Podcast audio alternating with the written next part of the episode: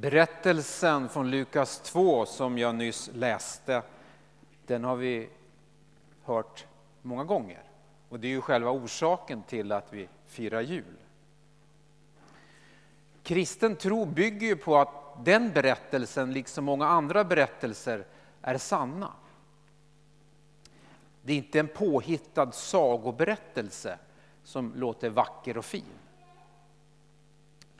Lukas som har skrivit ner den här berättelsen, han skriver själv i början av sitt evangelium, sin bok, att han hade noggrant efterforskat.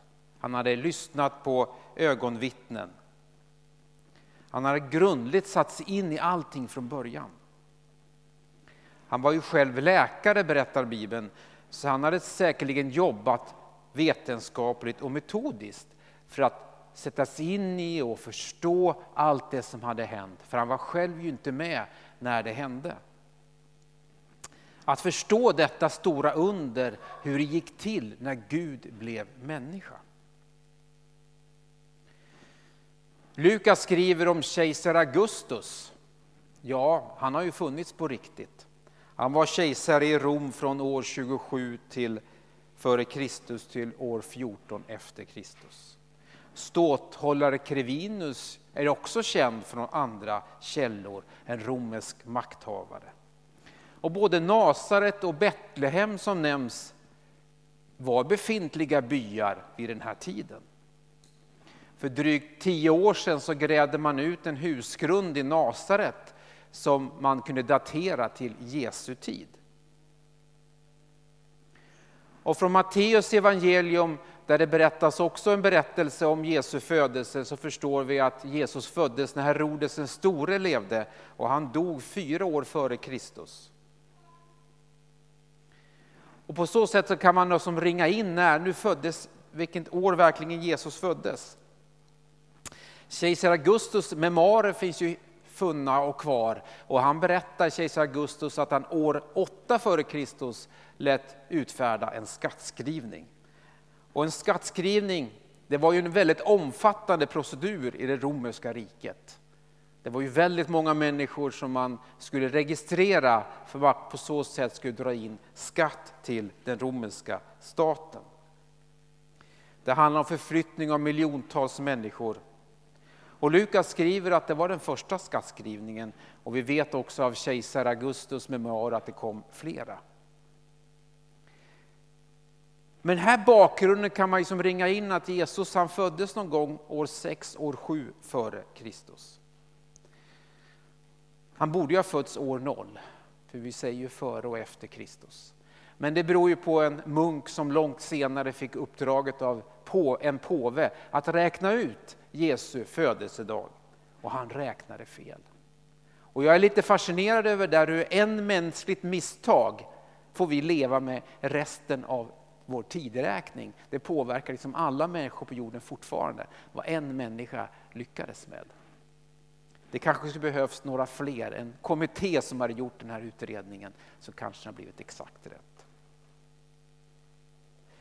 Josef han kom från Betlehem. Och det mest sannolika är ju att hans familj bodde där, hans släkt bodde där. Och att det här unga paret nu, Maria och Josef, skulle bosätta sig i Betlehem.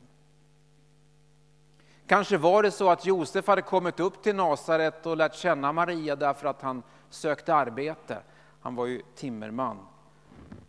Och han blir förälskad i Maria och trolovar sig med henne. Men så är det där unika hänt att Maria fick änglabesöket och att ängeln Gabriel hade meddelat henne att hon var högt benådad och att hon skulle bli barn genom den helige Ande. Och i hennes livmoder växer nu en liten pojke, Guds son som skulle ge världen frälsning. Och Josef och Maria far då till, till Betlehem från Nasaret som trolovade. Sannolikt inte bara för skattskrivningen men också för att få gifta sig i Josefs hemby. Den här färden tar, tog ungefär tre dagar och sannolikt fick de gå. Hade de en åsna så bar nog åsnan sakerna. Det är, det är ganska troligt, eller hur? För lite saker ägde de säkert. Och Lukas skriver att medan de befann sig där var tiden inne för henne att föda. Hur lång tid de hade varit i Betlehem innan Maria skulle föda, det framgår inte av texten. Det grekiska ordet som används för härberge i texten, katalyma, betyder sannolikt gästrum, som var väldigt vanliga i dåtidens hus. Det är inte ordet för kommersiellt värdshus, för det kan man förstå, därför läser man berättelser om barmhärtige Samarien så används ett annat ord för värdshus. Det var ju många i Betlehem som kom på grund av skattskrivningen. Och sannoliken var det här gästrummet då upptaget av en annan familj. Så Josef och Maria får bo i en annan del, kanske i familjens vardagsrum. Eller fick de en plats där djuren var, för det låg ofta i anslutning till huset eller till och med en del av huset. En plats där man tog in djuren på natten, framförallt på vintern. Och kanske var det i en krubba, kanske något av djuren fick liksom lämna ifrån sig sin matplats för att Jesus skulle få en plats att vara på och sova på som nyfödd. Så den här bilden av att ett ungt par går från dörr till dörr för att knacka på för att få en, en plats att vara på i Betlehem, den stämmer inte med texten. Det var inte heller en grotta som Jesus föddes i. Familjen hade inte mötts av ogästvänlighet. Det här var ju Josefs hemby och här bodde hans släkt. Man hade mötts av gästvänlighet under enkla förhållanden på grund av det stora trycket av människor. Det är egentligen en liten förolämpning vi historiskt sett har gjort mot Josefs släkt, att inte de tog hand om sin, sin, sin släkting. Så, så funkar det inte i Mellanöstern, så funkar inte de flesta länder på jorden. Utan man bereder plats så gott man kan. Sannolikt så ordnar Josef ett permanent boende hos dem, för den lilla familjen. För de bodde ju kvar ett tag där. Han var ju timmerman, han var van att bygga hus. Och på Jesu tid var det så att när tillökning i familjen, när någon gifte sig så byggde man på ett rum på familjens hus. Man liksom byggde på ett rum till. Så det sannolika är att de fick en liten etta där att bo på, på familjens, eh, hans släkts hus. Det kan vara en tröst för alla som är bostadslösa och söker och unga människor som får bo i en liten etta från början. Så var det också för Jesu familj. Man fick bygga på ett litet rum på det befintliga huset. Och där bodde de då ett tag, kanske ett par år innan de fick fly från Herodes soldater. Betlehem var ju en väldigt liten by, en oansenlig by. Och den, den är mest känd för att den var Davids stad, där kung David en gång i tiden hade kommit ifrån. På Jesu tid så var den också känd för att där vallar man får. Får som sedan skulle offras i de stora tempelgudstjänsterna i templet i Jerusalem. Att vara herde, det var inte någon karriärstege direkt att vara. Eh, man kan se av judiska rabbiners undervisning att man tyckte att herdar var konstant orena genom det uppdrag man hade. Men det stora är ju att Jesus själv kallar sig för den gode herden. Och han 30 år senare blir världens offerlamm då han dör för hela mänsklighetens synd och tar på sig dess skuld. Så i det lilla Betlehem så sker undret som skulle förändra hela världen. Det som bär frukt i Jerusalem föds i Betlehem. Det krävdes starka uppenbarelser för att herdarna skulle förstå att Gud nu hade blivit människa, att nu var Messias född.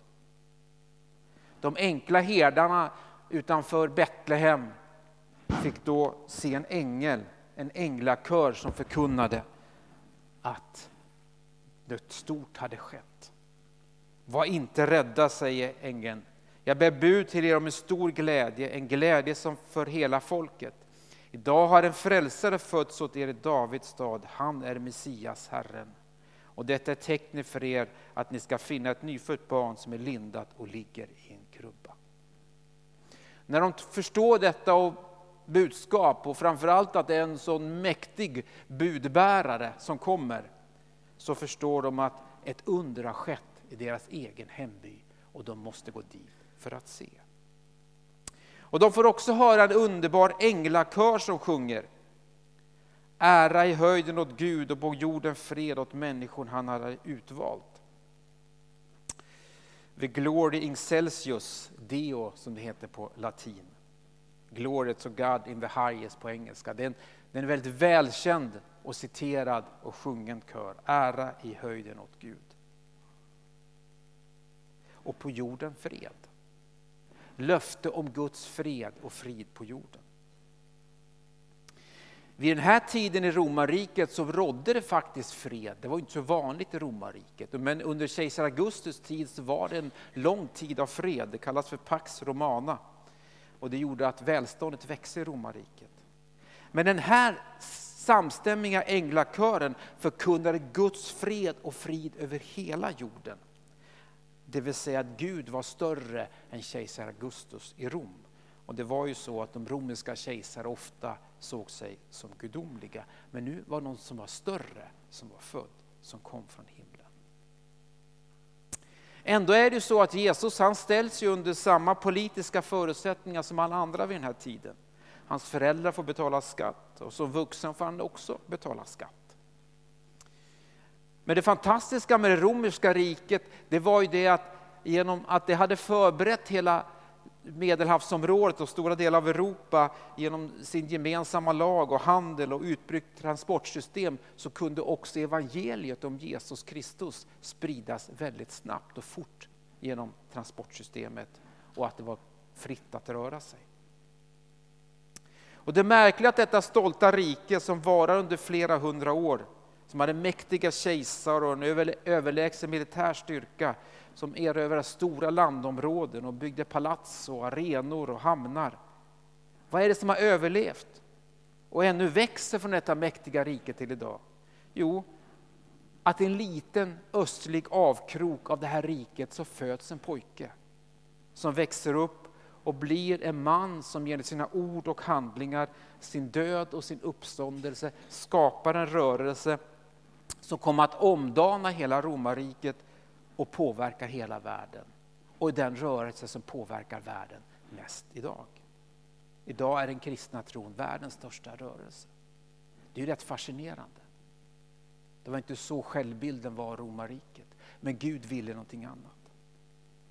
Vi lever med en almanacka som är styrd av Jesu födelse, hans död och hans uppståndelse, hans himmelsfärd och att han gav helig ande till sina lärjungar. Vi har en veckorytm där den sjunde dagen lyser röd eftersom det är Herrens dag. Varje vecka påminns vi om Kristi uppståndelse från de döda. Så mycket har han påverkat. Så denna dag, juldagen, Jesu födelsedag, är ju en glädjens dag. Gud blev människa. Dagen då Guds stora räddningsplan för världen sattes igång. Och nu när julen är här så får vi påminna oss själva om att Jesus är julens stjärna och han är också dess största orsak.